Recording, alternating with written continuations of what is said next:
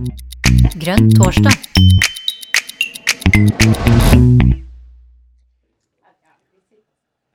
Velkommen til Kunnskapssenteret her i Sandvika, folkens. Veldig fint å se at det er så mange her. Eh, dette er et arrangement i regi av Bærum MDG, og som også blir lagt ut på Grønn torsdag. Og siden det er torsdag, så passer det egentlig ganske godt.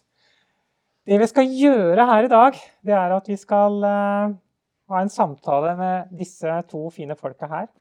Arild Hermstad Kristoffer Robben Haug som begge ønsker å bli leder i Miljøpartiet De Grønne. Eh, og det jeg lurer litt på, da, det er, det er hvem er dere? Altså, litt sånn kort om bakgrunn og hvordan du ble en del av partiet og hvilke roller du har hatt. Arild Heimstad, du først. Ja, da kan jeg jo begynne med begynnelsen. Jeg ble født i Bergen for 56 år siden.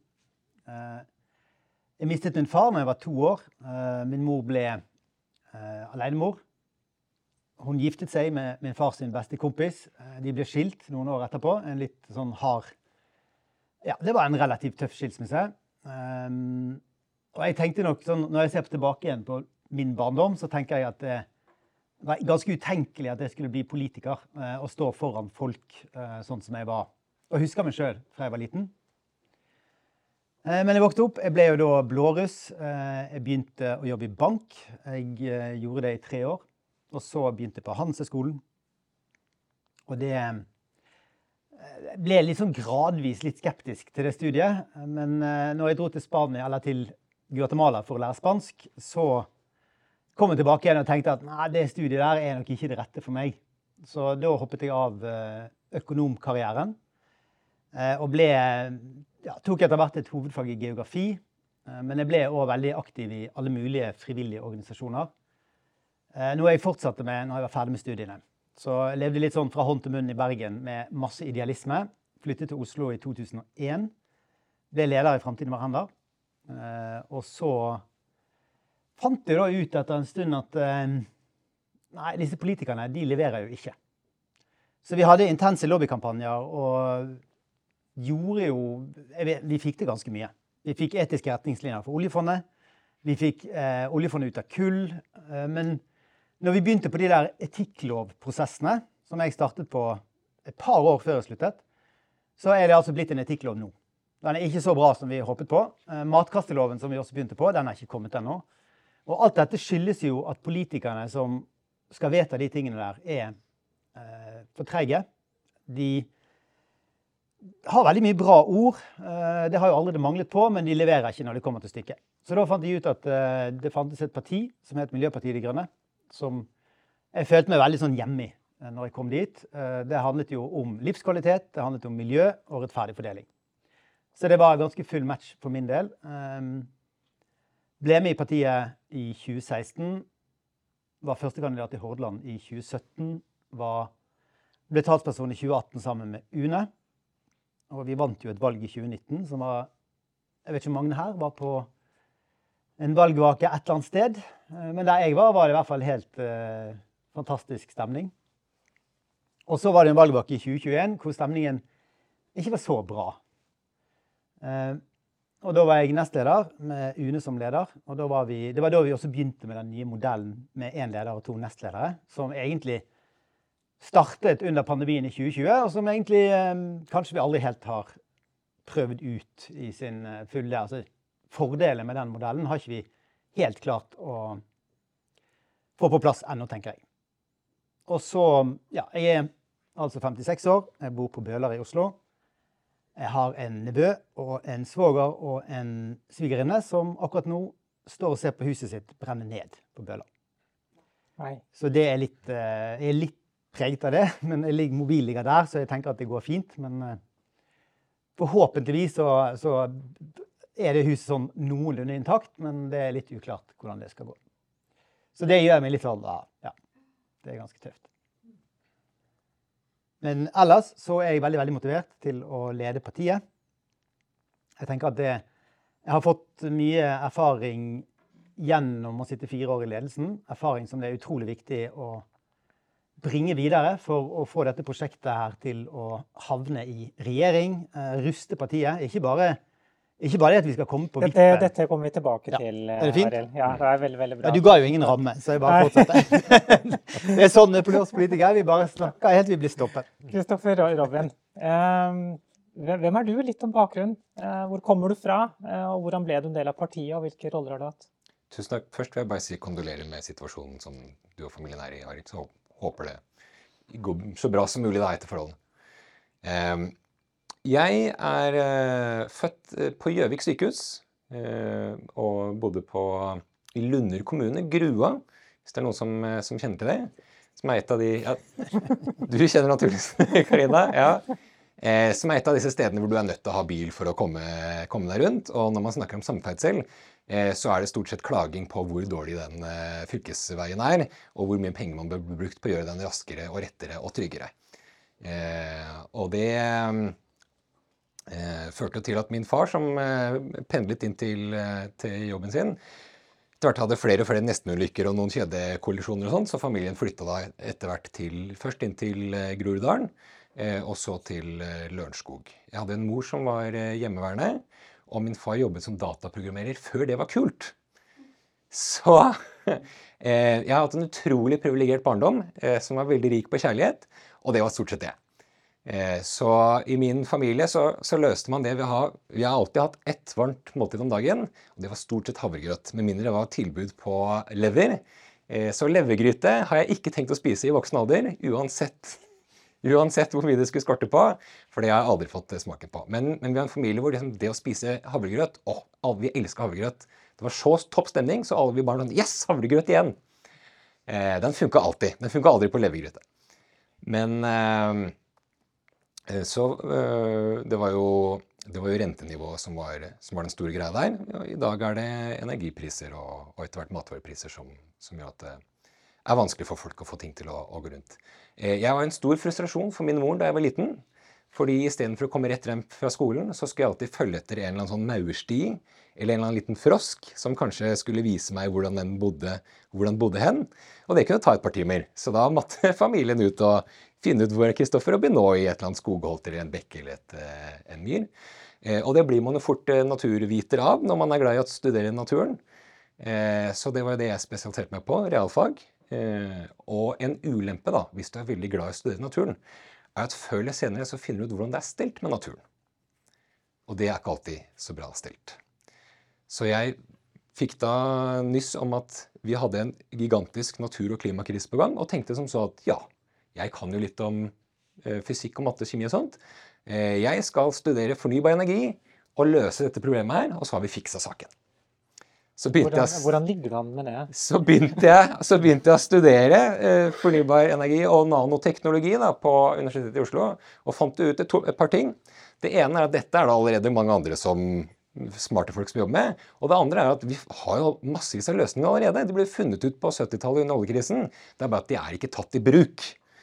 Så da tenkte jeg ok, eh, jeg må begynne å jobbe med å faktisk sørge for at disse tingene ble tatt i bruk. Så først gikk jeg på gründerskolen for å se om vi kunne bruke liksom markedskreftene til det her, og lærte et par nye ting. Eh, det ene er at markedskreftene fungerer flott til å fordele varer og tjenester til folk som har lyst på dem og råd til å betale for dem. Ikke nødvendigvis av seg selv til å løse samfunnets store utfordringer. Og hovedproblemet er at de som sitter med makta, og de som sitter med ressursene, ikke har den kunnskapen og tar de rette valgene. Eh, så da begynte jeg å jobbe i privat næringsliv, i kommunikasjonsbransjen i Gelman Kise. Etter hvert gikk jeg også over til det offentlige i Norges forskningsråd, og jobba stort sett hele min yrkesaktive karriere med å jobbe da med massevis av forskjellige bedrifter, eh, oppdragsgivere, med fortrinnsvis strategisk kommunikasjon, endringsledelse og kriseledelse. Så det er det som er mine yrkesspesialiteter. Etter hvert så, så jeg da at her må det sterkere lut til. Enten kan jeg sitte og være frustrert over politikerne som ikke gjør jobben sin, eller man kan eh, gjøre sine hender skitne selv og bli politiker. Jeg tror mine foreldre aldri tilgitt meg for å gå fra å være forsker i starten av karrieren, som var så flott og var så stolt av, til å bli politiker. Mm.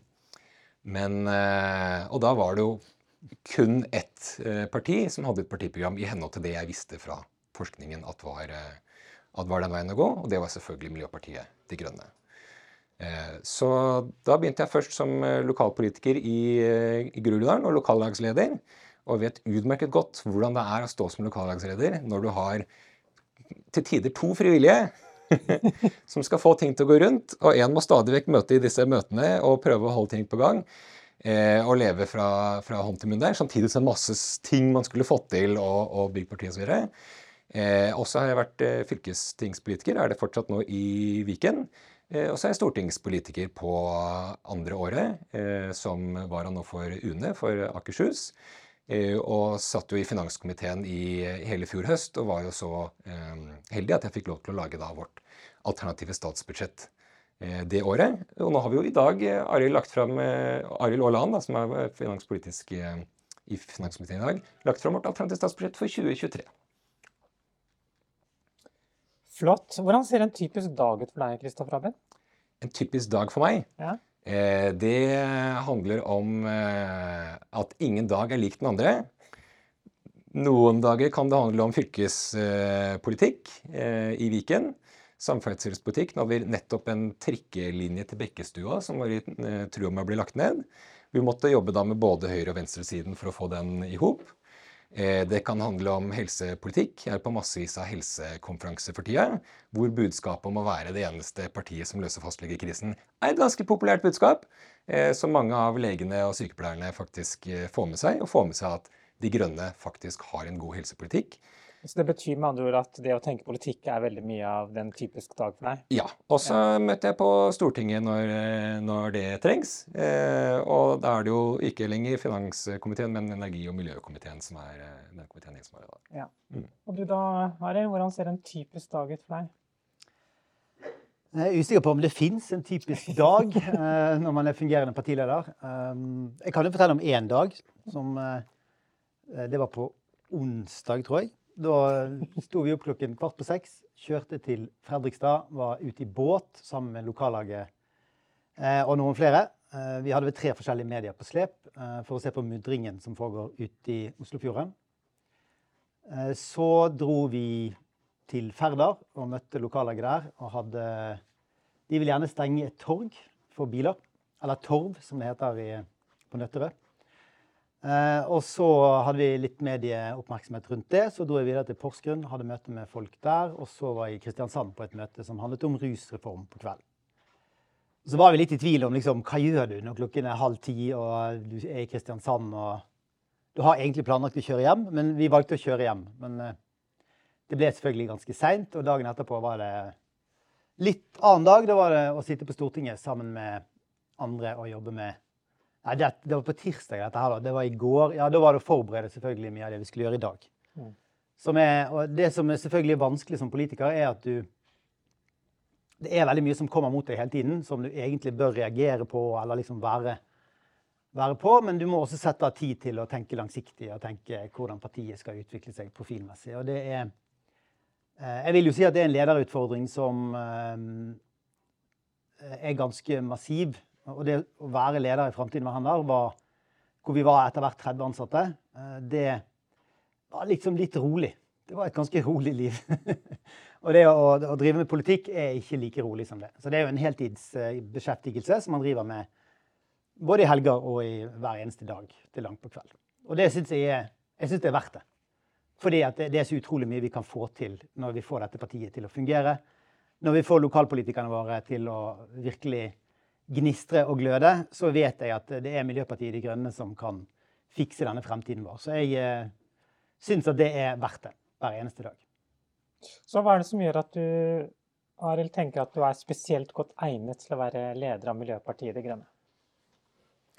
Um, altså jeg syns jo det er alltid blitt beklemmende å fortelle hvor fantastisk jeg er. Uh, det er liksom ikke min favorittgren. Uh, men um, Altså det, jeg har jo selvfølgelig lært mye av de fire årene med politikk. Vi lærte særlig mye i 2021 som jeg tror det er verdt å ta vare på gjennom evalueringen som vi da gjorde. Eh, og en av de tingene som jeg virkelig har brukt mye tid på, er jo å bre ut partiet. Få en profil særlig innenfor ruspolitikk, men også på justisfeltet. Jobbe med beredskap og jobbe med, selvfølgelig med det som skjer nå med fattigdomsøkningen. Og vi var på Politisk kvarter, eller jeg var der i morges eh, og snakket om vår politikk for å jevne ut forskjeller. Og det mener jeg at det eh, viser jo at jeg gjør dette. Og jeg har ikke bare lyst til å snakke om at vi skal gjøre det. Og det tror jeg er det som trengs i Miljøpartiet De Grønne nå. Vi trenger å faktisk få gjort de tingene som vi snakket om i evalueringen at vi skal gjøre, og som hele partiet ønsker seg. Og jeg har høy arbeidskapasitet. Jeg er en ganske blid fyr fra Bergen. Og jeg har veldig tro på at min jobb som partileder det er å dyrke frem flere folk som har lyst til å være partiledere, eh, som har kompetansen til å gjøre det, og som har lyst til å være lokalpolitikere og lyst til å være med og bringe dette prosjektet videre. Det tenker jeg er det aller viktigste for en partileder som ønsker å se et parti som skal inn eh, og kunne være et regjeringsparti og kunne være et parti som leverer de store gjennomslagene vi trenger på klima og miljø, og som også viser frem bredden i, i det politiske prosjektet vårt. Mm, mm. Hva med deg da, Kristoff Robben? Hva er det som gjør at du er spesielt godt egnet eh, til å være leder i Miljøpartiet De Grønne? Jeg mener at vi som parti nå står foran en kjempemulighet til å nå ut til nye velgere. At vi kan ta et nytt steg som parti inn i en ny fremtid og nå velgere vi ikke har nådd fra før av. Da er det en fordel å vite hvordan de velgerne tenker. Jeg har en bakgrunn, et levd liv, eh, som er det livet som de fremtidige velgerne våre har levd. Jeg har jobbet som konsulent i privat eh, sektor med utrolig mange forskjellige bransjer. Jeg vet hvordan fremtidens næringsliv eh, kommer til å se ut hvis vi velger en grønn vei for næringslivet, og har jobbet og sett virkeligheten fra utrolig mange sånne perspektiver. Dessuten så mener jeg at vi som parti da skal gjennom en endringsprosess. Endringsledelse er jo en av mine favorittgrener fra yrkeslivet, men det er utrolig vanskelig, og det krever mye av oss. Da mener jeg at det å kjenne partiet helt fra bunnen av og helt opp til toppen er en kjempefordel som jeg har. Jeg har vært lokallagsleder. Jeg har vært lokalpolitiker, jeg har vært fylkespolitiker, jeg har vært stortingspolitiker. Jeg har drevet med skolering eh, fra nord til sør, fra øst til vest og kjenner partiet både geografisk og organisatorisk inn og ut, og vet hvor skoen trykker, for jeg vet hvordan det er å sitte der ute i et lite lokallag når man skal gjennom en krevende prosess, og du får faktisk ikke endene til å møtes. Det tror jeg krever innsikt, kontakt med grasrota, eh, og jeg tror jeg har en unik posisjon til å få til nettopp det. Eh, og så er jeg jo stortingspolitiker. Eh, så jeg kjenner jo mange av de andre partiene fra Stortinget. Så når vi da skal samarbeide mer med de andre partiene, så kjenner jeg allerede godt til de andre partiene fra stortingsarbeidet. Men, men, eh, for å gjøre det litt enklere, da, siden åpenbart det er ikke så gøy å snakke godt om seg selv. Hva er dine svake sider? Hva er det du trenger at folka rundt deg er gode på? Mine svake sider? Eh, jeg er ikke noe sånn voldsomt på sånn organisatoriske ting. Det, hvis noen skal kalle inn møter, følge opp i timeplanen og sånt, Eh, det er jeg kjempedårlig på. Så det å være fylkesleder, f.eks., som Karina er, eh, aldri stem på meg til det. Eh, det, det er det best å ha folk, folk rundt meg til. Ja, nettopp. Så, så, det trenger du at folka rundt deg er gode på, rett og slett. Kalle inn møter, følge opp når er det møte, når er det møte osv. Det, er, det er Den form for struktur er ikke jeg noe god på. Nei, mm. ja, Det var ganske ærlig og redelig til Kristoffer Robin. Hva med deg, Arild? Hva, hva, er dine svake sider? Hva er det du trenger at folk er rundt deg gode på? Ja, det, jeg tror det er mye å si nei til ting. Eh, jeg er litt glad i å si ja til å ta på meg ting. Det, og jeg liker nok eh, at det er fart, og at vi faktisk har eh, både fart og retning. Og noen ganger kan jo det gå litt sånn litt utover eh, meg sjøl noen ganger, rett og slett. At jeg eh, får for mye, tar på meg for mye å gjøre. Men eh, det viktigste for en leder er jo å ha folk rundt seg som kan supplere og kan fortelle når grensen går. Og jeg tror det, det, det, aller viktigste er at man har folk som tør å tale en rett imot, og at det er en ærlig diskusjon om kurs og retning. Og jeg tenker Det er mye snakk om liksom at man trenger rådgivere rundt seg som skal hjelpe. Men jeg tror også det aller viktigste for en partileder er at nestlederne og de, altså de aller nærmeste folkene som skal være der når du ikke er der, at du er veldig tett på de, og at du har folk rundt deg som du vet er gode til noe som du ikke er så god til. Eh, og det tenker jeg at det, eh, og det gjelder jo også selvfølgelig de man jobber tettest sammen med. Og det viktigste prosjektet vårt nasjonalt er jo Stortinget. Men det er også veldig viktig å ha kontakt med eh, f.eks. de som sitter i Oslo, og de som sitter i Trondheim, de som sitter i Bergen, og de som sitter i mindre kommuner. Og min erfaring er at det er ganske vanskelig, fordi at eh, de har veldig, veldig dårlig tid. Så det der å faktisk eh, få med seg hele partiet på at man tenker noenlunde likt, det tror jeg er viktig. Og jeg, man kan jo gjerne si at man ønsker at alle skal være om bord i den samme båten i et politisk parti. Det mener jeg det er ganske naivt. Vi kommer til å være mange båter. Men vi kan tenke at vi skal ha noen båter som kanskje den ene båten er litt større enn de andre, og at vi alle sammen skal i den samme retningen. Og det å få det til tror jeg er eh, den aller viktigste utfordringen vi har. Og da er jo det man alltid skal gjøre når man snakker om sine egne svak eh, ja, svakheter, det er jo også å si at det er en styrke å ha litt fart. For det betyr at man også ser retningen, og at man jobber for å få med seg de som er rundt i partiet. Ja.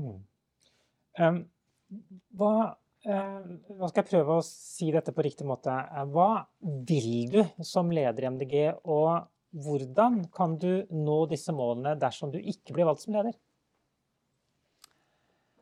Um, altså det jeg vil for dette partiet, er jo at uh, vi er til Altså, vi er nødt til å bli et parti som er modent for å gå i regjering. Om vi skal gjøre det eller ikke, det får vi komme tilbake til. Men det betyr at vi skal få større oppslutning, men vi skal også bygge et trygt og solid prosjekt med masse dyktige politikere som er i stand til å gjøre det. Det tenker jeg er det viktigste, fordi vi trenger et parti som ikke har tenkt å forhandle vekk livsgrunnlaget vårt. Vi trenger et parti som ikke forhandler vekk naturen og klimaet og Oslofjorden og andre helserisikoer som vi utsetter oss sjøl for.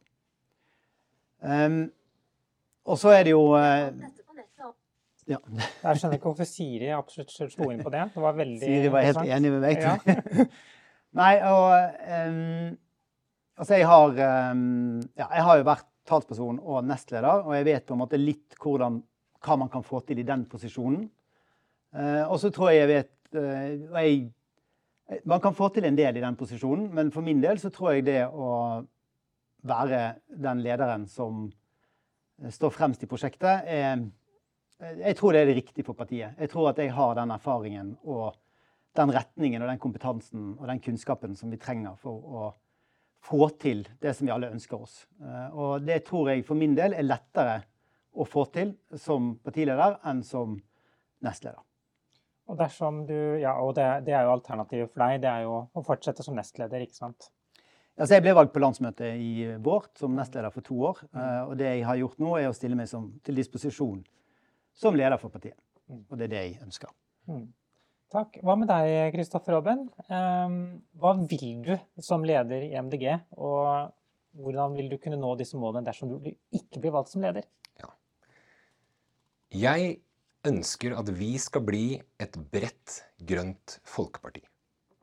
Det tror jeg vi har alle forutsetninger for å få til.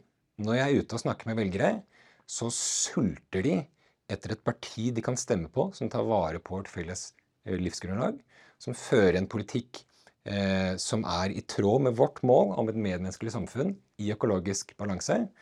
De bare bruker andre ord på det, og de vet ikke helt hva de ser etter. og Derfor prøver de andre partier.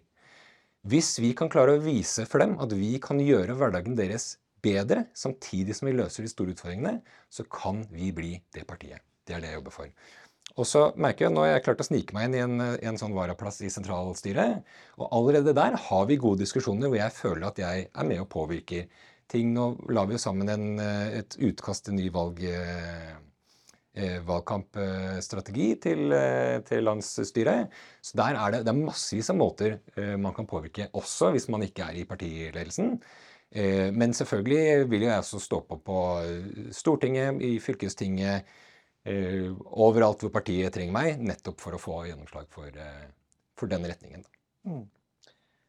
Så dere har jo begge en plattform allerede i dag som dere jobber ut fra. og Det er jo greit å ha en avklaring på, er det ikke det, folkens? Mm. Ja. Så må jeg ydmykt erkjenne at eh, Arild har vært leder fra 2018, eh, så han kan jo på en måte Jeg er jo et mer ubeskrevet blad sånn sett. Man vet hva man har, men ikke hva man, hva man får. Så det må jeg være ydmyk på. Eh, noen ord om valget i 2021, Kristoffer Robin. Eh, hvordan mener du det bør prege oss som parti, og eventuelt vil prege deg som leder? Og hva har endret seg for deg, og hva blir annerledes pga. valget i 2021? Um, det valget som var viktigst for min tankegang om partiet, var faktisk 2017-valget. Mm. Og hvis man leser evalueringen fra 2017, så sier den veldig mye av de samme tingene, tar opp noen av de samme problemstillingene som evalueringen etter det siste, det siste valget. Jeg syns evalueringen etter 2021-valget var god. Da må jeg berømme Arild for godt håndverk, eh, som peker på eh, noen av de tingene som vi kan stanse mot hvis vi ønsker å bli et eh, større og bredere, bredere parti. Eh, vi må klare å vise til folk at vi har løsninger, at vi ser dem i deres hverdag. Eh, vi må klare å vise, vise bredden, eh, men vi må også fokusere mer på det jeg mener er den viktigste valutaen i politikk, som er tillit. Vi må bygge tillit hos folk, at folk skal få tillit til oss. Eh, det er det viktigste fokusområdet for oss. Mm. Takk. Og du Arild, eh, noen ord om valget i 2021. Og, og, hvordan mener du det bør prege oss som parti? Og vil prege deg eventuelt som leder? Og hva har endret seg for deg, og hva blir annerledes pga. dette valget? Nei, Jeg tror at ethvert et politisk parti må gå videre når et valg er ferdig. Eh, det er det, det, man må gjøre. Det tror jeg at det er alfa og omega, fordi at alle partier opplever at det går opp og ned. Eh, så det, og, og det, det, har jo egentlig bare gått opp for oss, men det var selvfølgelig en nedtur i 2021. Det, det er jo ingen tvil om, fordi vi hadde høye forventninger. Um, og jeg tror Kristoffer uh, har helt rett at uh, 2017-evalueringen og 2021-evalueringen er ganske like. Uh, og det var litt skremmende å oppdage, for det betyr at i 2017 så De som da satt i ledelsen da, de begynte ikke på den jobben. Og når jeg ble med i 2018, så fortsatte vi med den jobben vi burde begynt med etter valget i 2017. Eh, og Derfor har jeg også tatt det veldig til med at dette må vi faktisk gjøre. Altså Det å snakke om det Det går fint an å snakke om hva man skal gjøre i tre år uten å gjøre det. Så for meg er det avgjørende viktig at vi faktisk gjør det, og at vi tar de kampene for de sårbare folkene. Enten det er rusbrukere eller det er folk nå som står i matkø. Eh, og det kan vi bare gjøre hvis vi har god kontakt med de grupperingene og de folkene som jobber med dette, og de som sjøl står i den situasjonen. Og det å bygge de alliansene og være der for de, det tror jeg er helt avgjørende. Eh, og der er jeg også helt enig med Kristoffer. Det handler om å få tillit fra de. Og på søndag så var jeg ute og gikk eh, dørbank i Groruddalen. Eh, og hadde med meg to som ikke hadde vært på dørbank før. Og det var en helt fantastisk opplevelse. fordi at særlig han ene var så utrolig flink til å snakke med de vi snakket med, og være deres talsperson. Og si sånn vi kan hjelpe deg med det og det og det. Hva er det du ønsker fra oss? Og det tenker jeg at det er det vi skal gjøre fremover. Vi skal snakke med folk. Invitere dem inn i uten, ikke, Du trenger ikke bli medlem i partiet, men vi er der for å hjelpe deg. Vi er der og taler din sak. Vi tar det opp i bydelsutvalget, vi tar det opp i rådhuset. Og vi har folk på Stortinget som kan ta opp saker hvis de er så store. Og Det tror jeg er sånn vi bygger en folkebevegelse. Det var sånn Arbeiderpartiet bygde seg opp i forrige århundre. Og dere vet jo at Den viktigste kampen i dette århundret den handler om å ta vare på livsgrunnlaget vårt. og Da må vi være på lag med folk og bygge den tilliten nedenfra. Mm. Jeg har hørt eh, noen si at en leder aldri blir bedre enn folka vedkommende har rundt seg. Eh, hvordan vil du bidra til å bygge laget og bidra til å skape entusiasme og lekenhet ute i organisasjonen? Ja, um, For det første så må vi jo begynne å ha det gøy igjen. Altså, pandemien var en nedtur. Valget var ikke det helt store, det heller. Uh, og det betyr at det å ha artige aksjoner det, uh, En av de tingene som fikk meg til å vurdere MDG, eller liksom tenkte at dette er mitt parti, det var jo at man drev og gikk uh, og plukket søppel på en strand i Stavanger lenge før alle begynte med det. og det er kanskje ikke så gøy, men det er litt sånn det, det viser at vi har lyst til å gjøre ting også, og ikke bare sitte og være en studiesirkel. Eh, jeg tror um, at det å ha kritikere veldig nært deg sjøl, som ikke sier uh, ja til deg hver gang du kommer med en eller annen crazy idé, uh, men som også kan korrigere deg, det er viktig. Det er viktig at vi som er i ledelsen i partiet, har veldig åpenhet. At de som sitter i sentralstyret, tør å gi beskjed om at nei, nå har arbeidsutvalget rotet seg helt vekk. Dette er for dårlig. Her må dere gjøre en bedre jobb. Eh, vi har mye å gå på når det gjelder landsstyret. At vi får landsstyret til å bli en enda viktigere politisk arena. Det har vært for mye administrasjon, kan du si, ofte. Eh, og at vi virkelig diskuterer de store politiske sakene. Det tror jeg er helt avgjørende. Og så er det for meg viktig å bygge opp andre. Altså bidra til som leder å gi andre tillit. Og være helt uforbeholden. Hvis jeg er vekke, så er det Akkurat nå så er det Ingrid Liland som tar de beslutningene, og da har hun bestemt. Og da støtter jeg henne i det hun har bestemt, selv om jeg skulle være uenig med det sånn innerst inne. Så det, det, å bruke de erfaringene som jeg også hadde før Framtiden var hender, med ja, OK, det var 15 år, det var kanskje litt lenge, men det å bygge opp uh, den organisasjonen med en helt ny kultur, uh, det er jeg veldig stolt over. Det har kommet inn folk etterpå som har tatt det prosjektet videre, og som gjør at Framtiden var hender er etter mitt syn den mest toneangivende og fremtidsrettede miljøorganisasjonen vi har i dag. Mm. Og du Kristoffer Robben, hvordan vil du bygge eh, laget og bidra til lekenhet og entusiasme der ute i organisasjonen? Jeg mener vi må ta hele partiet i bruk. Eh, det første jeg vil gjøre hvis jeg blir ny partileder, eh, er et grep som jeg ideelt sett skulle sett at vi gjorde så fort vi hadde evalueringa klar. Eh, men som jeg mener virkelig kan hjelpe oss nå. Og det er å ta utgangspunkt i de lærdommene fra evalueringa og kjøre en prosess ut helt på fylkeslag- og lokallagsnivå og se på hvordan stemmer disse funnene med vår hverdag. Hvordan stemmer dette med hvordan vi ser virkeligheten her ute? Eh, stemmer det? Stemmer det ikke? Er det andre momenter vi har? Og samle opp det som parti, sånn at vi har et fellesbilde over hvor vi er hen. Så kan vi gjøre akkurat den samme øvelsen, basert på den fellesbildet vi har dannet oss, på å skaffe en felles retning på hvor vi vil hen. Eh, jeg tror at det er noe av det som skaper mest entusiasme, er når vi føler at vi alle sammen er en del av den samme organismen, at vi alle sammen løfter sammen, og at vi har da en, eh, en felles visjon og en retning vi går i alle sammen. Eh, da tror jeg vi får mye av den det var jo mye av den pionergløden jeg meldte meg inn i 2013. og Mye av den pionergløden vi hadde, var at vi hadde jo en sånn Det går an å gjøre ting annerledes. Politikk kan gjøres på en annen måte. Vi kan være de som får til ting på en annen måte.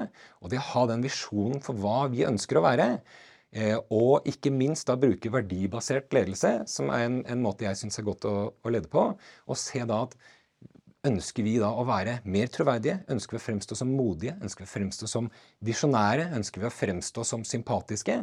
Ok, hvis vi lever etter de verdiene der i hverdagen og interaksjonen med oss, så kan vi skape massevis entusiasme som da vil smitte over på velgerne. Eh, og ha den åpenheten og rausheten for de mange spennende påfunnene som vi kan få til. Men jeg tror at den energien bobler over når vi alle sammen har trua på vårt felles prosjekt, eh, at en annen fremtid faktisk er mulig. 2022 startet jo eh, på en, la oss kalle det, traumatisk måte for Europa og verden. Eh, og beredskap har som følge av det kommet opp som en eh, ganske så viktig sak. Hva tenker du om det, og hvordan ser du for deg at vi kan fremstå med størst troverdighet innen dette saksfeltet? Hvis du ser på grønn politikk, altså den grønne tråden gjennom grønn politikk, så er det å skape et mer robust samfunn er jo et av hovedeffektene av grønn politikk. Det kommer med nøysomhet, det kommer med det å ta vare på ting. Eh, og det å ta vare på eh, fremtiden og, eh, og, naturen, som jo tross alt danner livsgrunnlaget vårt. Hvis du ser på jordbrukspolitikken vår med, med økt grad av selvforsyning, hvis du ser på måten vi ønsker å organisere samfunnet på, hvor vi ønsker da mer lokale ressurser. Og, og både helse, når det gjelder helsetilbud og andre tilbud, så er måten vi De Grønne ønsker å organisere samfunnet på, egentlig fordi vi ønsker å skape en bedre fremtid, fordi vi ønsker å unngå mange av de krisene. Men også når krisene inntreffer, så er den grønne måten å organisere samfunnet på, et mer robust samfunn, er også den beste medisinen. Og Jeg pleier også å si at noen av oss blir litt sånn deprimerte innimellom og tenker at nå går verden ad unna, det kommer til å bli katastrofe. Vi kommer ikke til å avverge dette. Selv etter en katastrofe, i et postapokalyptisk samfunn, hvilken politikk trenger vi for å bygge opp samfunnet igjen? Jo, det er grønn politikk. Så grønn politikk er den beste løsningen uansett hvordan det går med verden. Men den er faktisk også den beste måten å møte disse krisene og skape et mer robust samfunn på. Ja, Det hørtes troverdig ut. Hva tenker du, Arild? Eh, hvordan ser du for deg at vi kan fremstå med størst troverdighet innen dette saksfeltet? Eh, vi har allerede gjort en del ting de siste ukene og månedene som eh, setter oss på sakskartet om beredskap, med å være tydelige på hva vi vil i statsbudsjettet vårt, det alternative statsbudsjettet. Eh, det gjelder jo f.eks. det faktum at vi har et statlig beredskapslager som holder til en bydel i Bergen i tre dager. Og jeg tror veldig mange, Dette er jo populær politikk. sant? Dette er sånn som folk forstår. At eh, de ønsker å være trygg i hverdagen. Og de ønsker å ha en bedre plan for hva vi skal gjøre eh, når matprisene går opp, når vi er veldig avhengige av um, f.eks. fôr. Hvis den båten fra Brasil som kommer en gang i måneden til Fredrikstad, hvis den ikke kommer, så går det et par-tre måneder. Så går det kraftig utover eh, både kjøttproduksjonen og lakseproduksjonen i Norge. Så vi er ekstremt sårbare, så vi er nødt til å ha en politikk for å forbedre det. Og så er jo forebygging er alltid dyrere eh, for en kommunepolitiker som skal sitte og forhandle ferdig budsjettet, f.eks. i Kongsberg. Så er det veldig lett liksom, å ta vekk forebygging, for det gir ikke en umiddelbar effekt for, eh, for innbyggerne. Det, det, blir Nei, det kan vi saldere vekk. Eh, og det mener jeg vi skal være ganske hard på. Jeg var byråd i Oslo i halvannet år som vikar. Og en av de tingene som jeg tror det, jeg er veldig stolt over det, men jeg klarte å få bystyret i Oslo til å snu. De hadde tenkt å stoppe ny vannforsyning for Oslo i et bystyremøte. Jeg var byråd, ansvarlig for saken. Eh, og jeg klarte å få de til å skjønne at dette utsetter ny vannforsyning i Oslo med minst to til tre år. Eh, og det kan de faktisk ikke gjøre. Så ble jo det et veldig dyrt prosjekt, men jeg mener fortsatt at det prosjektet er det har også dette året vist at uten en vannforsyning til 90 av Oslos befolkning, så er hovedstaden vår ute å kjøre. Så det å tørre å være et parti som virkelig prioriterer de langsiktige, nødvendige tiltakene som gjør at vi klarer oss gjennom kriser, eh, det er for meg eh, en del av politikken vår som vi må bli mye flinkere til å snakke om det. Men vi har allerede, som Kristoffer er inne på, vi har den politikken i dag. Eh, men vi må få flere til å skjønne at det er det som er Måten å takle klimaendringene på, måten å takle naturkrisen på, det er at vi tar vare på naturen vår i stor grad og bygger opp beredskap for kriser. Mm. I tillegg så eh, Altså nå har jo f.eks. Eh, i eh, regjeringen foreslått å øke, øke arbeidsgiveravgiften på arbeid, f.eks. Um, det kan jo skape noe press på eh, arbeidsledighet, og at det blir flere arbeidsledige. Eh, hvordan tenker du at vi skal skape grønne jobber og lokal verdiskaping på best mulig måte? Ehm, jeg er veldig optimist med tanke på det. Norge har fantastiske muligheter. Eh, vi er et land som er veldig god på Vi har veldig mange Petter Smarter som starter opp små bedrifter. Jeg var på Oppdal i forrige uke og møtte en som drev med sopp, eh, som var veldig entusiastisk for det. Det er store muligheter innenfor den verden. Eh, men også en som lagde ski. Sant? Som er liksom eh, lager veldig kule ski. De er litt dyrere enn vanlige ski, men han forfølger sin drøm. Det var en eller annen drøm som begynte med samuraisverd liksom, i Japan, og ble til ski. Som han lagde på, sin, på låven sin på Oppdal. Altså, altså fra samuraisverd til ski? Til ski, faktisk. det, men han hadde en fantastisk tankegang rundt det. Disse skiene skal være evig. De heter da Evi-ski. Eh, men, eh, så er litt reklame der. Men eh, det er veldig veldig mange folk i Norge som starter opp bedrifter, som har gode ideer. De tømmer gjerne familiens sparekonto for å gjøre det. Og det bør vi, vi bør sikre dem et bedre sikkerhetsnett. Og så bør vi, når disse tingene Altså han, han med de skiene skal ikke lage 100 000 per ski, liksom. Han skal lage akkurat passe mange ski. Men mye av de andre tingene som vi gjør i Norge, kan skaleres opp. Men da svikter ofte det norske apparatet. Da blir det ikke skalert opp. fordi at vi, vi, vi, støtter pilotene, men når det kommer til stykket og dette her virkelig skal bli hyllevare, så flytter de til Tyskland eller USA eller et annet sted fordi vi har for dårlige rammevilkår. Og grunnen til det er jo det òg fordi at oljen tar Det er den store elefanten i rommet. Den suger all luften ut av det rommet. Og, og det Jeg merker det når vi snakker med folk eh, Særlig på Vestlandet, som jeg har jo vært mye, vært mye i Bergen og området der, så er veldig mange næringslivsfolk de liker denne motstanden mot oljeindustrien. De syns det er bra at noen tør å si fra. For når så mye av ressursene og kompetansen og kapitalen suges inn mot oljenæringen, så er det et stort problem eh, å drive med gründervirksomhet på hele Vestlandet. Det er et stort problem i Rogaland. Eh, men det mangler ikke på gründere. Men det mangler på å få kompetansen og hodene inn i de næringene. Så egentlig så er bare sånn Problemet her er altså vi må gjøre mer. Men vi må òg tørre å adressere den store elefanten i rommet og si at den kan ikke få lov til å vokse videre. Kristoffer mm. Robin?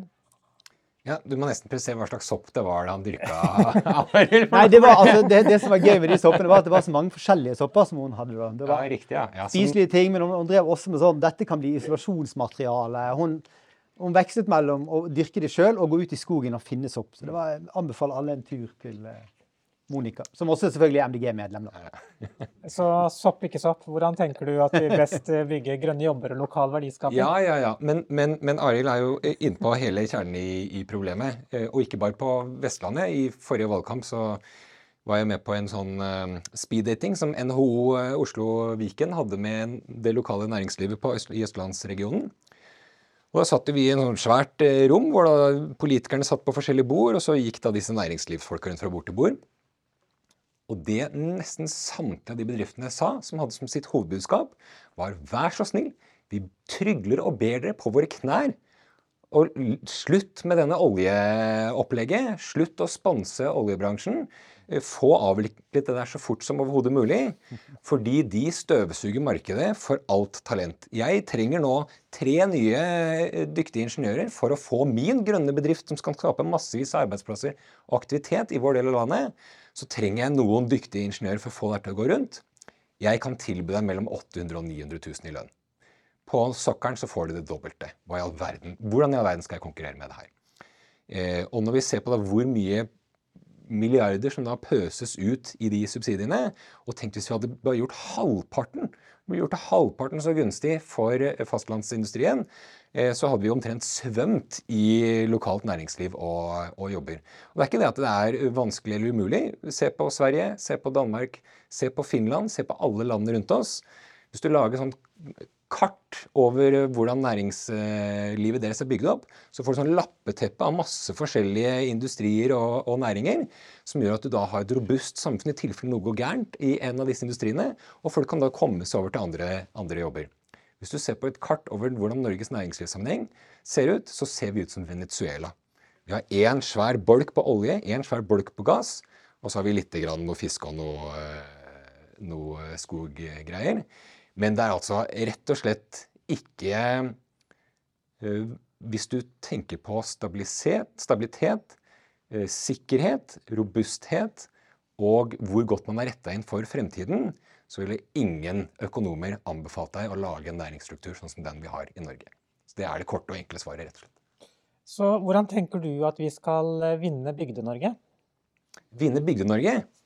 Eh, der er det et par ting. Det ene er å faktisk da vise frem politikken vi har som gagner Bygde-Norge. Jeg var på møte med, med Bondelaget i Akershus. Eh, de gadd aldri å slå seg sammen til Viken, for de var ganske sikre på at de skulle få delt opp igjen. Så og den, eh, tok, hadde med i snippesekken så hadde jeg vårt alternative jordbruksoppgjør, nei, jordbruksoppgjør eh, og la det frem for dem. Eh, og de var fra seg av begeistring. Og skjønte ikke vi, vi satser jo faktisk, Når du virkelig ser på tallene hvem som satser, så satser vi dobbelt så hardt på norsk landbruk, norske bønder, som det Senterpartiet gjør. Som alle bøndene tror at det er deres store parti. Så når de satt der og fikk faktaene levert, kunne gå gjennom det sammen, så var de øh, skjønte de, skjønte de, på en måte at her finnes det andre partier som også har god politikk for distriktene og for landbruket. Men de hadde aldri vært åpne for å se på det engang. Altså de, vi hadde jo gått ut med brask og bram og fått oppslag her og der osv. Men de som faktisk da skulle få den informasjonen, tenkte jeg sånn at Miljøpartiet De Grønne er jo et parti som ikke er relevant for meg. De gidder ikke å sette meg inn i hva de faktisk kommer med. Så det å nå ut til folk og gjøre sånn at de er åpne for å ta imot vårt budskap, også i distriktene, det tror jeg er utrolig viktig. Og da må vi vite hvordan folk i distriktene tenker, hva som er viktige saker for dem. Men også da være bevisst på hva er det vi gjør i dag som, ikke, som gjør at mange får piggene ut? hvordan kan vi snakke mer med folk enn til folk, at vi faktisk da når ut også på distriktene. Hva tenker du, Arild? Hvordan skal vi vinne Bygde-Norge?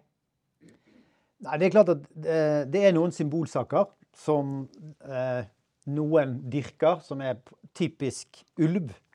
Hvor det er liksom en sånn sak som Da jeg var i Nordhordland eh, nord for Bergen, så var det veldig mange folk som var veldig opptatt av at vi måtte skyte ned all ulv i Norge. Selv om det aldri har vært en ulv på Vestlandet, på det noen kan huske. Altså, det, dette er jo symbolsaker, for det påvirker ikke de menneskene. Og det er jo en ting som eh, Senterpartiet er veldig god på det. Så Trygve Slagsvold Vedum han, Jeg hadde en debatt med han før jeg var i eh, politikken. Eh, det var midt på sommeren, og det var valgår, og han sånn eh, sa etterpå sånn Nei, men jeg, du vet at jeg trengte å få litt sånn mobilisering eh, i valgkampen, så da måtte han snakke litt om ulv midt på sommeren for liksom å mobilisere noen velgere. Så det er jo saker som eh, vi må håndtere. Vi, må ikke, vi, vi, skal ikke la være å snakke om de sakene i det hele tatt. Si hva vi mener. Vi, vi, må også treffe folk og fortelle den lange historien om hva vi vil. At vi faktisk også ønsker oss mer beite. Men det må skje på premissene hvor vi også har rovdyr i Norge. Og så er det mange saker som jeg har lyst til å nevne. Det er jo fylkesveiene våre, som er en pøl.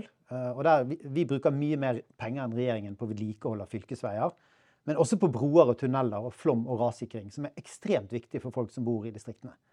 Eh, og det tror jeg eh, er et budskap som vi må hamre løs på. Vi må jo Vi er nødt til å bekjempe noen av de fordommene som er der mot oss, men jeg tror at vi skal ikke undervurdere effekten av at vi må gjenta oss sjøl noen ganger før folk får med seg at vi har veldig god landbrukspolitikk. Det er ikke nok å si det én gang. Vi må gjenta det, vi må reise ut og snakke med de folkene og forklare hva det går ut på. Fiskeri det samme. Der er det veldig mange eh, For vår ordfører i Vardø så er det den aller viktigste saken. Hvem er det som skal få lov til å få tilgang til de ressursene som er der? Det er også en sak som eh, er viktig. Kulturtilbudet på bygda.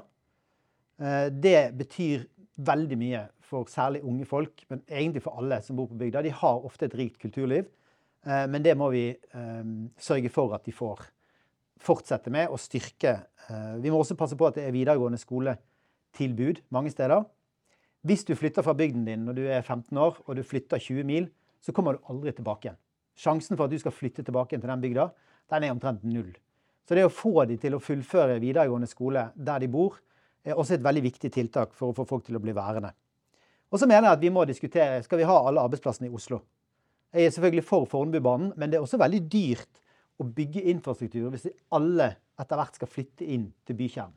Det er ikke god beredskapspolitikk. Eh, det er ikke god sirkulærøkonomipolitikk. For ressursene som vi skal ta i bruk og ta vare på, de er, i, de er veldig få de er i Oslo, Bergen og Trondheim. Veldig mange av de er ute i distriktene. Og da må vi ha folk som bor der. Og Det betyr også at vi må kanskje flytte ut noen av de statlige arbeidsplassene. Som veldig mange steder har mistet. Fordi at de, man har sentralisert Norges Bank, man har lagt ned Posten. Og da forsvinner de statlige arbeidsplassene fra veldig mange steder. Så det er en konglomerat av tiltak som må til. Og jeg tror eh, vi må kontre den historien om at vi eh, ikke vil at folk skal bo i hele landet. For det er det et parti som virkelig tjener på det, så er det Miljøpartiet De Grønne. Dere har sikkert lagt merke til at noen av spørsmålene som kommet nå, de er forankret i valgkampstrategien som er vedtatt av eh, landsstyret. Eh, og som for så vidt dere begge har vært med på å utforme. Eh, så da lurer jeg litt på, Arild, hva legger du i det å være visjonær, troverdig og leken? um, jeg tror at det som får folk til å stemme på et parti, det er jo ikke så mye skrytelisten for hva du har gjort før. I så fall ville Arbeiderpartiet fått alle stemmene. Så jeg tror det går veldig mye ut på å forklare hvordan vil vi at Norge skal se ut om fem og ti år. Hvor vil vi at folk skal bo? Hvordan skal vi reise? Hvordan skal vi lage maten vår? Eh, og den grønne visjonen eh, tror jeg at veldig mange deler. Jeg tror veldig mange ønsker det samme for samfunnet vårt. Å ha en god utjevning, eh, ha gode steder der folk kan bo. Og det ser litt forskjellig ut i Oslo og i Vardø, men i prinsippet så er det det samme. Vi ønsker å skape trivsel og trygge lokalsamfunn over hele landet. Når det gjelder å være troverdig, så tror jeg det er null problem for oss. Altså, Vi er så faktabasert at det noen ganger blir litt sånn Eh, hvilke andre partier kan du liksom gå på et møte sånn Så dere denne rapporten som kom i går fra Naturpanelet? Ja, ja, ja, jeg har lest hele rapporten. Altså, er, vi kan bli kanskje for faktabasert noen ganger, da. Et lite hjertesukk der. Um, og det å være lekne, det, det handler jo om at uh, det skal være gøy å være politiker i Miljøpartiet De Grønne. Og så vet jeg at det er litt naivt, for jeg vet at det er veldig mye arbeid. Og veldig mange uh, sakspapirer som skal leses, og veldig mange tøffe forhandlinger man skal sitte i. Men jeg tror det handler om å møtes, eh, ha gode møteplasser regionalt, ha gode landssamlinger, folkevalgsamlinger. Eh, og riste av oss denne pandemigreien som vi alle har vært gjennom, som gjør at vi kanskje har blitt litt mindre lekne enn det vi var i 2019. Så vi må tilbake igjen til 2019-følelsen på lekenhet. Mm, tilbake til 2019, ja. Og kanskje ja. bli enda mer, selvfølgelig. Men um, jeg tror det er viktig. Vi har jo en nestleder som heter Ingrid Liland, som er veldig god på karaoke. Og det neste gang skal jeg òg synge, jeg lover. er, er, det et løfte? Det blir ikke fint å høre på, men man må jo tørre. Ja, men bra. Eh, takk, Arild. Eh, du Kristoffer Robben, eh, hva legger du i visjonær, troverdig og leken? Ja, nå var jeg en av de som ble lurt ut på Krauka av Ingrid Liland, jeg da, som, som Arild klarte å snike seg unna. Det var ikke noe Problemet med Ingrid Liland er jo norgesmester i karaoke. Ja, det, du må komme før hun. Det, vi tryglet og ba om at hun skulle ta den siste sangen. Men hun starter jo selvfølgelig entusiastisk med en Freddie, Freddie Mercury-låt. Så terskelen var jo satt så høyt. Så da tenkte jeg at nå må noen utvise lederskap. Eh, og jeg og Birger Berntsen gikk da på scenen og sang 'Dum og deilig'. For helt tonedøvt. Og etter det så var det, da var terskelen så lav at eh, alle sammen i partiet kunne da gå og synge hva som helst. For det kunne jo ikke bli verre enn det de nettopp hadde hørt fra Kristoffer Robin og Birger Berntsen.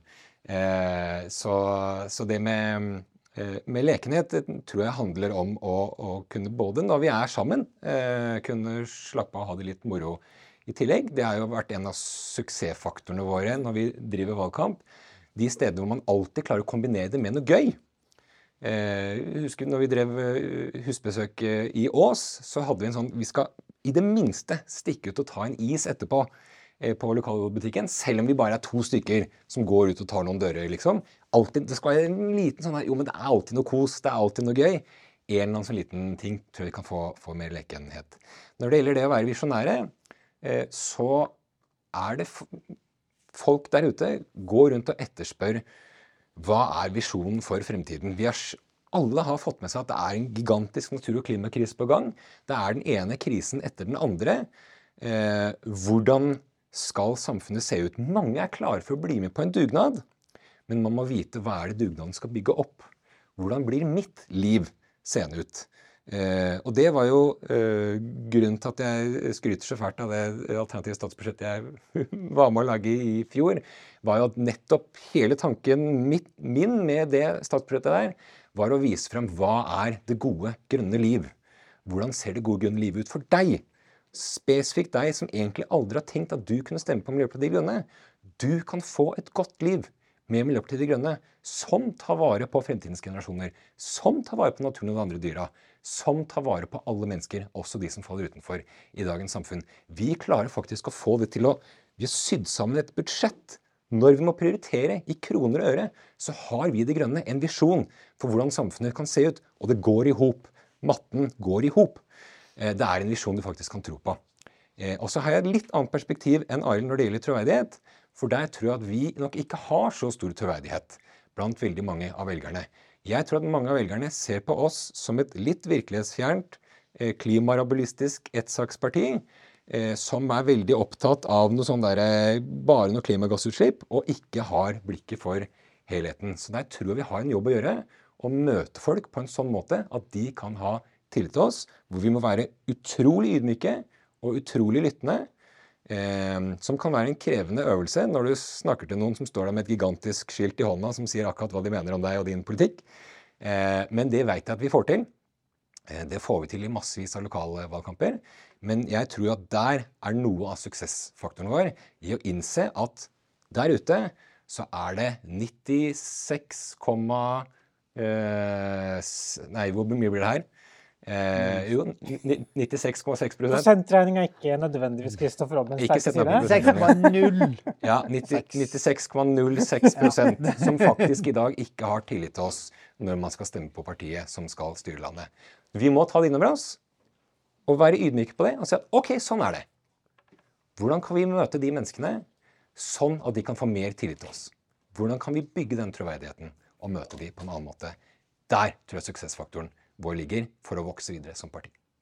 Og nå, nå, er vi nødt til å bare lage et sånt lite brudd her. Så, så, det jeg ber dere nå pent om, er at dere tar oss og strekker litt på dere.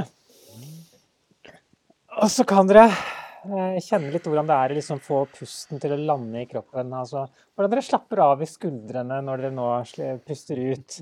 Og så eh, spør jeg da deg, Arild, hva gjør du egentlig for å slappe av? Um, nei, altså Hvis du tar navnet mitt, og så tar du forbokstavene og etterbokstavene Arild Hermstad, så får du ADHD. eh, og det er jo kanskje litt sånn uh, Min form for avslapping er vel kanskje at jeg må gjøre noe helt annet. Uh, og da um, liker jeg å gå på ski. Og gjerne lenge. Da kan jeg liksom gå på ski en hel dag. Eller jeg kan sykle inn i skogen. Eh, jeg er en av de som sykler på sti. Eh, og da bruker jeg hele kroppen. Og da kan jeg ikke tenke på politikk eller på ting som er vanskelig. Da må jeg bare konsentrere meg om å ikke gå på trynet i den steinen. Så jeg er nok litt sånn som liker å slappe av gjennom å gjøre noe fysisk, seile, eller rett og slett gå på tur i naturen, gå til fjells eller å gå i en skog. Det er vel min sånn beste form for avslapping. Det hender jo at jeg leser bøker, eh, men det blir stadig flere og flere politiske biografier. og det, det, er jo ikke så bra når du skal slappe av. Så, um, ja, det viktigste er jo at man skaffer seg god søvn. Mm. Så det tenker jeg at det, Og da er jo en bok alltid grei å sovne til, tenker jeg. Det var et godt tips. Eh, bare. Så har jeg drevet med yoga, Jeg har drevet med yoga, men det ga jeg opp etter at jeg fikk noe sånn Det var bare knær og hofter og sånn, så, bare, så det ble det ingenting av. Så, men um, pusteøvelser, det, er. Gjør det faktisk av og du, Kristoffer Robin, hva gjør du for å slappe av? Jeg er jo gammel forsker, da, så har jeg alltid fulgt etter hva mental mentalhelseforskningen viser, da, dokumentert at er den mest effektive måten å slappe av på. Uh, og det er meditasjon. Så det å meditere er en veldig god avslapningspraksis. I tillegg så har jeg en sånn eh, liten praksis med å gå ut i skogen og finne meg en sånn tue som jeg kan sitte på. Og virkelig på en måte stikke fingrene ned i jorda og kjenne på den derre der hvor røttene til lyngen møter jorda. Og kjenne på det der. Og virkelig puste til man kjenner at man faktisk er en del av naturen. Som vi mennesker faktisk er. Som vi glemmer innimellom, og da gjør vi noen dårlige valg. Men å virkelig kjenne på det og ta det innover meg, det får meg virkelig til å slappe av. Mm. Og hvis du bare forestiller deg at du er helt, helt avslappet, og at du faktisk er leder i Miljøpartiet De Grønne, hvordan, du, hvordan ser du for deg at hverdagen er å samarbeide med stortingsgruppa? Altså, Hvordan får du til denne linken mellom AU og stortingsgruppa? Hva vil rollefordelingen være? Eh, hvem skal ha mandat til hva? Eh, hvordan ser du for deg det? Igjen fra en avslappet eh, tilstand? Ja, ja, ja. Nei, jeg, jeg, jeg kjenner jo veldig godt til stortingsgruppa, for å si det mildt. Så, en ting som er viktig å huske på, er at når man er folkevalgt, så er man jo faktisk da valgt av folket. Så man har jo da direkte mandat. Eh, og det hender jo at når jeg eh, sitter på Stortinget og skal votere over ting, at det er eh, ting som da man har tenkt ut i partiet at det her burde vi mene, og osv. Men mindre det er en veldig viktig sak, hvor vi har tatt inn en beslutning hvor det bare er noen som sier at ja, ish, sånn her burde vi stemme, så kan jeg stemme noe annet etter min egen eh, overbevisning. Eh, så man har frihet som stortingspolitiker, og man skal ha frihet som, som stortingspolitiker. Eh, men eh, jeg tror det er viktig at man er veldig godt eh, sammenkobla. At man faktisk da er et arbeidsfellesskap. Det er jo stortings, stortingsgruppa og partiledelsen som er de mest retningsgivende delene av, av partiet når det gjelder den nasjonale politikken. Så det å være et arbeidsfellesskap har jeg stor, stor tro på. Jeg går jo inn og ut av stortingsgruppa sånn rent aktivt sånn sett.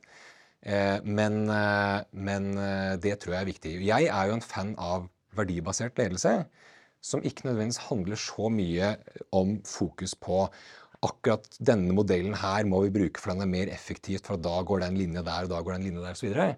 Men veldig mye ting får vi til ved å jobbe mye med verdiene våre. Når jeg jobbet i verdibaserte bedrifter, så starter man ofte mandagsmøtene med å si reflektere over hva er verdiene våre. Kan noen huske på noen situasjoner vi har vært i forrige uke, hvor verdiene var viktige å bruke? Og ta eksempler fra virkeligheten. Her ser vi Trygve Vedum går ut i en sak. Hvis han hadde hatt våre verdier, hva hadde han valgt i den situasjonen der? Så reflekterer vi rundt det, så får vi faktisk en okay. samme retning. Nå sa du også noe som Siri syntes var veldig interessant. Ja. ja. Så hun har sikkert søkt opp verdibasert ledelse. Ja, jeg prøver å ikke si det flere ganger. Eh, men nettopp fordi at vi da har eh, politikere som har da sitt eget mandat fra folket, så tror jeg det er lettere å lede gjennom inspirasjon, felles verdier, felles retning, og jobbe veldig mye sammen, enn at man nødvendigvis skal ha veldig sånn strenge hierarkier på akkurat den bestemmer det, den bestemmer det. Mm. Hvis du har noen tips på hvordan man skrur av Siri, så er jeg veldig interessert i det. Kan spørre Siri. da får du ikke svar. det nekter hun å svare på. um, Arild, hvordan ser du for deg hverdagen og samarbeidet med stortingsgruppa? Eh, og, og hva, er, hva, vil rollefordelingen være mellom AU og stortingsgruppa? Eh, hvem skal ha mandat til hva? Hva tenker du? Nei, altså, for det første er det jo spesielt at vi nå Det er ingen av de faste tre stortingsrepresentantene som uh, vil være leder, eller som stiller seg disponibel til å være leder. Og Det betyr at uh, uansett hvordan man snur og vender på det, så kommer man til å ha en partileder som ikke er en del av den faste stortingsgruppen. Eh, og det eh, har vi ikke hatt før. Det har vært, eh, UNE har vært i partiledelsen og samtidig stortings, eller parlamentarisk leder. Og det samme gjaldt jo Rasmus en periode. Det paradoksale med det vi legger bak oss, er at det har ikke vært spesielt godt koblet mellom det nasjonale partileddet og stortingsgruppen. Og det var Eh, det mener jeg at det har vi alle muligheter til å få til nå. Eh, altså få den sammenkoblingen med å ha eh, både en tett kobling til stortingsgruppen og et nasjonalt nivå som At man skiller på de to rollene, da. Sånn når Une var vekke, det husker jo Kristoffer òg, så var hun førstekandidat i Akershus. Kristoffer var da varaen til Une der. Jeg var varaen til Une som partileder en periode før valget i 2021. Og Per S... Nei, hvem var det som var hennes Jo, Per Espen. Ja, Per Espen Stoknes var varaen hennes som, på Stortinget. Mm. Og dette ble liksom et konglomerat av roller som egentlig ikke var godt nok avklart. Altså, Vi hadde ikke snakket gjennom hva skjer når UNE er vekke. Hvem tar de beslutningene? Hvem tar de beslutningene? Hvem tar de beslutningene? Og Det mener jeg er veldig viktig at det arbeidsfellesskapet, de si, eh, som sitter tettest på, de må være veldig ha jevnlige samtaler om hvordan man skal gjøre det. Eh, og rent praktisk så eh, gjør Akkurat nå så har vi gjort det i høst, siden UNE sluttet, med å ha de tre stortingsrepresentantene tett på arbeidsutvalget. Sånn at vi har sittet hver mandag og hatt møter og diskutert gjennom hva som skal skje denne uken som kommer, og de neste ukene, og avklart det vi må avklare. I tillegg så har vi hatt heldagsseminarer hvor vi og Dette er en kjepphest fra min side, fra min tid i Framtiden og Handa, det er at vi har ikke noe dagsorden. Vi sitter bare og snakker om hvordan det går. Hva, er, liksom, hva skjer rundt i partiet? Hvordan ser vi for oss at vi skal jobbe videre fremover? Hva er det på en måte som er eh, Hvordan gikk det forrige gang vi hadde en krangel, eller vi var uenige, eller på en måte hadde en diskusjon? Hvordan løste vi det? Vil vi løse det sånn neste gang? Så det mener jeg det er veldig viktig at man tar seg tid til for å få den koordineringen. Um, og så kan man jo kalle det ulike begreper, men for meg handler det på en måte veldig mye om eh, praksis. Altså at man tør å snakke om de tingene som er vanskelig. Tør å vise at man er uenige. Eh, og så avklaringen av mandater, den, vi har egentlig dette i eh, stortingsgruppen sine vedtekter. Eh, vi har det i partiet sine vedtekter. Eh, så det gjelder å finne en praktisk tilnærming med hvordan man gjør det. Men eh, det har jo også Kristoffer snakket om. altså Tillit er det aller, aller viktigste. Og skal du jobbe sammen med folk, så må du se dem inn i øynene og si sånn Vi skal få dette her partiet til å vokse. Det er vi som skal gjøre dette sammen. Og, og da må du ha så stor tillit til de som er rundt deg, at du klarer å gjøre den jobben. Og så må du vite at om et halvt år så står du kanskje i nominasjonskamp med den samme personen som du skal ha tillit til.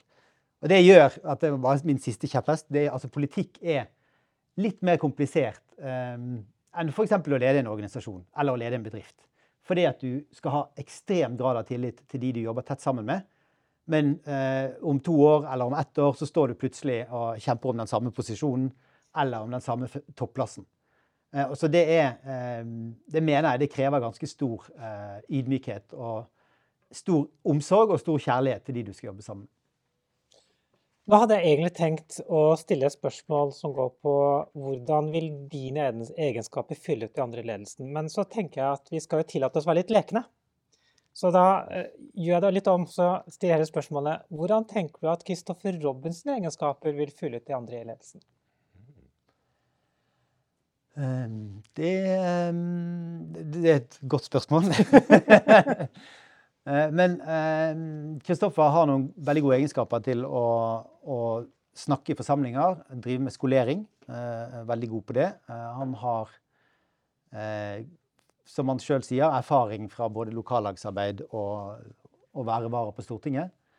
Eh, og det som er viktig da, både for Kristoffer Robin og meg, er jo at man er veldig åpen om hva man er god på, og hva man ikke er så god på. Når er det man trenger hjelp, eh, og når er det man eh, må be andre om å overkjøre en eh, hvis man går for langt inn i sin egen eh, ryggmargsrefleks. For det, det, har vi jo alle sammen, eh, og det tror jeg også Eh, det å ha den åpenheten og ærligheten tror jeg er ekstremt viktig i et eh, samarbeid. Og så tror jeg at eh, Ja. Så mm, ja, jeg, Men Kristoffer Robin og jeg har jo ikke jobbet veldig mye sammen. Så jeg har jo Han er ny i sentralstyret og har vært vara i perioder. Men det I fjor høst var ikke jeg fungerende partileder. Da var det Chris, og det var det også et litt annet samarbeids... Ja, grensesnitt mellom oss, da.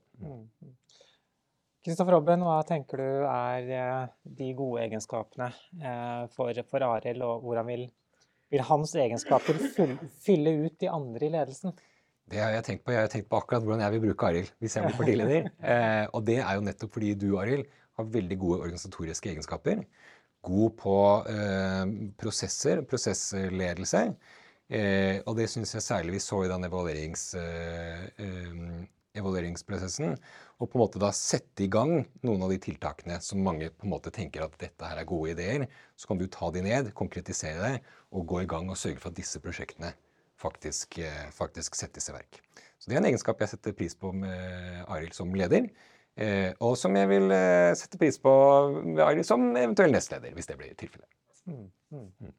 Skjønner. Um, og da er vi for så vidt over på et spørsmål Jeg leser like godt fordi, fordi at det er et innsendt spørsmål. Jeg har, har for så vidt også stilt noen andre spørsmål som har vært sendt inn. Men dette er fra Vestfold og Telemark sin delegasjon. Og spørsmålet til begge kandidater er hva de tenker om nestledervervet dersom de ikke velges.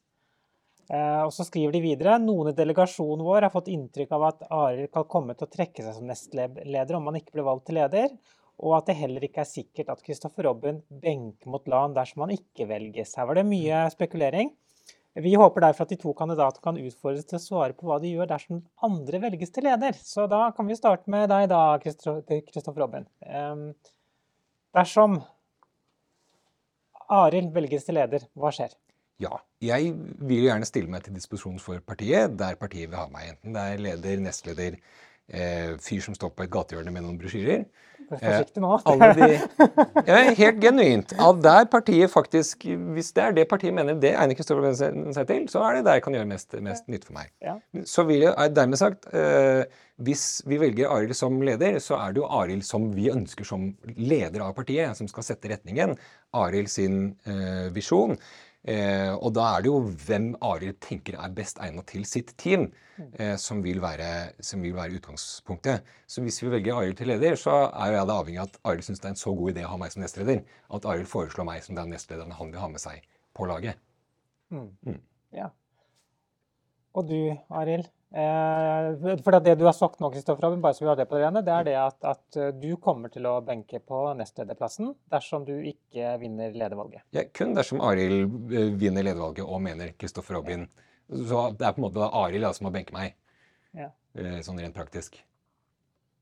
Hvis Arild mener at det er den beste ideen, å ha Kristoffer Robin med på laget, ja. så er det. Hvis Arild mener at nå, hvis vi da har valgt Arild som leder, så er det at vi vil ha Arild, hans vurderinger som leder, og Arild ikke mener det er den beste ideen i verden å ha Kristoffer Robin som nestleder, så vil jo det være et slags mistillitsforslag til den nyvalgte partilederen vår. Ja, ok. Så når Arild er partileder, så er min jobb å sørge for at Arilds jobb blir så lett som mulig for å løfte partiet dit Arild vil. Så det betyr at dersom Arild sier at han helst vil ha LAN, så benker du ikke? Nei. Det var en veldig grei avklaring. Mm. Arild, eh, hva skjer dersom Kristoffer Robben blir valgt til leder? Ja, altså, først må jeg bare fordøye den litt nye informasjonen for meg, for dette var ikke noe jeg har hørt fra deg før. Så det må jeg være ryddig på og si at det, det var en interessant perspektiv um, på den kandidaten. Og jeg er ikke sikker på om jeg um, Altså, når jeg ble valgt til nestleder på landsmøtet i vår, så spurte ikke jeg Une hva hun mente om det. Og Une sa heller ikke hva hun mente om det.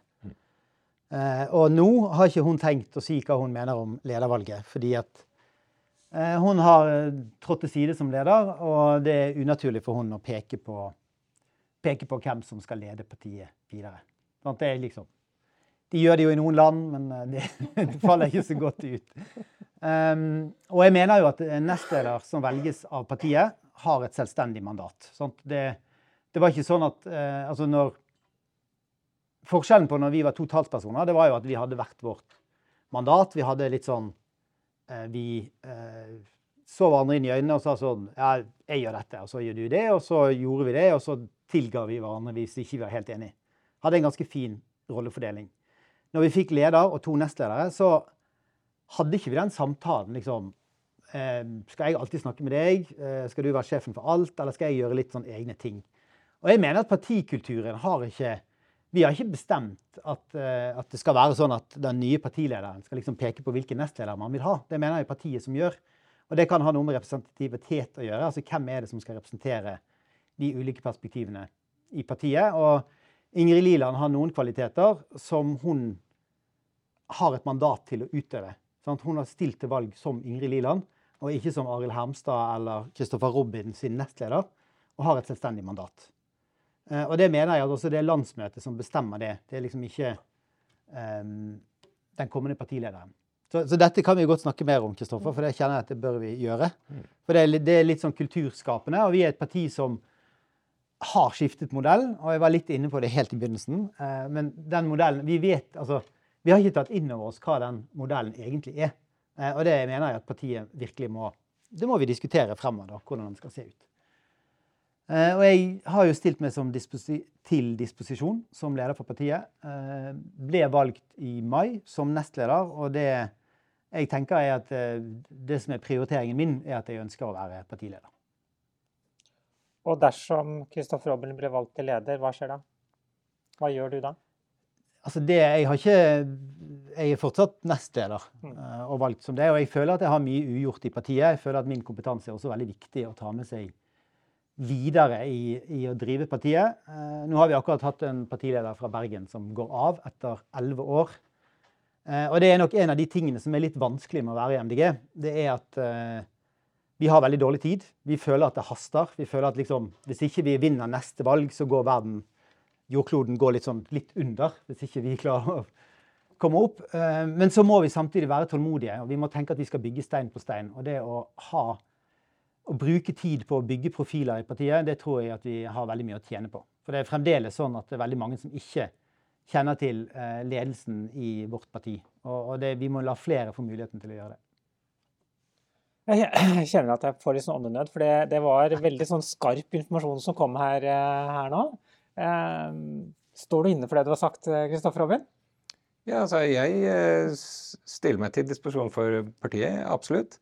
Eh, men tenker jo det er sånn at eh, det er jo som, eh, som Ari har sagt, at man må gjøre vurderinger på, på det der. Mm. Så det kan vi nok ha gode samtaler om. Men jeg har tenkt at hvis vi vil ha Arild Hermstads Miljøparti De Grønne, så burde vi jo få Arild Hermstads Miljøparti De Grønne. Og da er vi jo avhengig av å ha det teamet som Arild Hermstad syns er best rundt Arild Hermstad. Mm. Mm. Det står jeg for. Det er jo tydelig at dere trenger å ta en liten samtale rundt dette. Det er jo kjempespennende. Uh, wow, tenker jeg. Uh, er det noen spørsmål fra, fra, salen før vi runder helt av? Ja? Uh, dere tok jo opp dette hva dere gjør når dere skal slippe stress. Og dere har tatt opp lekenhet i partiet, men hva gjør dere når dere skal more dere selv hjemme og ha det gøy? Ja, så hva gjør dere når dere skal more dere sjøl og ha det gøy, ja? ja eh, hvem av dere vil, ha, eh, vil hoppe på og svare først? Ja, altså, jeg kan godt svare på det. Jeg, jeg er veldig glad i å bade. Jeg liker å stupe og ta salto og slå meg når jeg treffer vannflaten og sånn. Men altså, det å bade og være i sjø, da jeg, blir- jeg blir en veldig, veldig lykkelig person av det. Eh, og så liker jeg å ta tog. Er nok liksom, da slapper jeg ganske godt av. Leser bøker og dra på interrail, f.eks. Syns jeg er veldig Veldig en veldig bra MDG-aktig, det tid. du Og det er nok, altså, men det å leke, altså sånn, å virkelig ha ja, Det å invitere folk til en middag og servere masse vin og spise god mat og pludre og snakke om tull og tøys og gjerne sladre litt, det ja, Da går jeg og legger meg veldig lykkelig. Og så våkner jeg litt ulykkelig. Men det er det verdt. Og du, Kristoffer Alvin? Jeg er veldig glad i å danse. Eh, og hvis jeg får anledning til å skryte, så har jeg faktisk oppfunnet en egen eh, dansevariant. Du har jo cubansk salsa, og så har du LA salsa, og nå har du også eh, Nordic salsa. Eller Kristoffer Robben-salsa, da. Jeg, jeg prøvde å gjøre det litt mer sånn ydmykt eh, Nordic salsa. Men den består i at du kan, du kan danse salsa, så kan du gjøre en manøver hvor du dunker til den andre med hofta, og så er det den andre som fører. Så da kan man bytte frem og tilbake mellom hvem det er som fører i dansen. Veldig bra. Kan da, uavhengig av hvilket kjønn man har, og alt mulig sånt, så kan man bytte på hvem som danser. For et ekstra element med lekenhet inn i en allerede ganske leken dans. Så det Ja, det var eh, Ta initiativ til til neste fysiske landsmøte. Ja, nettopp. Det var lekent. Så, så på neste fysisk landsmøte så leder du an i dansen, i hvert fall. Absolutt. Ja. Det gjør jeg hvert eneste landsmøte, for så vidt. Eh, Men gjerne også på neste. Ja. Ja. ja, men Så bra. Ehm, har du noe du vil avslutte med? En liten sluttappell til eh, de som skal eh, ta en beslutning på det ekstraordinære landsmøtet? Eh, Sluttappell, det må vel være at eh, vi er i full gang med å ta inn lærdommene fra valgkampen 2021. Eh, vi fornyer partiet. Vi har i dag lagt frem et eh, alternativt statsbudsjett hvor vi tre i ledelsen, altså dvs. Si Ingrid, som er nestleder, og meg, og Lan, som er parlamentarisk leder, har funnet en vi har jobbet ganske godt sammen om det budsjettet. Eh, Vi har klart å få ut budskap som bredder ut partiet, og som viser at vi er et solidaritetsparti som ikke har lyst til å sitte i ro og se på at fattigdommen i Norge øker. Eh, Og det er jeg veldig stolt av. Vi har fått vedtatt en valgkampstrategi som gir det rommet som man trenger lokalt for å føle at man er med på et lag som eh, bygger partiet videre. Og det en av de tingene som vi lærte fra 2017, var at valgkampstrategien var litt sånn for stringent, for streng. Nå har vi åpnet opp for at dette er en valgkampstrategi som har blitt møtt med ganske mye entusiasme. Folk syns at yes, dette vil vi være med på. Eh, Så det som ligger foran oss nå, det er å komme i gang med alle de tiltakene vi skal gjøre. Komme i gang og snakke med folk, lytte til dem, snakke på vegne av dem, eh, og begynne å bygge oss opp til en valgkamp i 2023 hvor eh, vi nok en gang skal ha breie smil på eh, valgvaken, eh, og hvor vi skal gå ut og fortsette jobben med å gjøre dette her landet her til et ekte grønt paradis. Ekte grønt paradis. Vakre ord, Arild. Tusen takk. Kristoffer Robin, en liten sluttappell. Ja. Jeg tror at vi nå står overfor kanskje et av de viktigste stegene i vårt partis historie. Vi har muligheten til å bli et ekte grønt folkeparti. Eh, Da må vi gjennom en endringsprosess. Eh, Jeg har erfaring både fra endringsledelse, strategisk kommunikasjon, og jeg har også vært, eh, vært fylkesråd for kollektiv i Viken med godt over 300 ansatte under meg. Så jeg har jo en del kvalifikasjoner på det, men først og fremst så er jeg motivert for oppgaven og mener at vi faktisk da kan bli et parti som kan vokse utover de rammene som i dag fanger oss inn, og nå helt nye deler av befolkningen, der ingen skulle tro at noen kunne stemme grønt. Det var også vakkert sagt. Tusen takk. Takk til Kristoffer Robin, og tusen takk til Arild. Eh, applaus, ja. Veldig bra. Og tusen takk til Bærum MDG som har fasilitert eh, dette møtet. Navnet mitt er eh, Karina Ødegaard, og så ses vi plutselig ved en anledning, og streamer kan stoppe.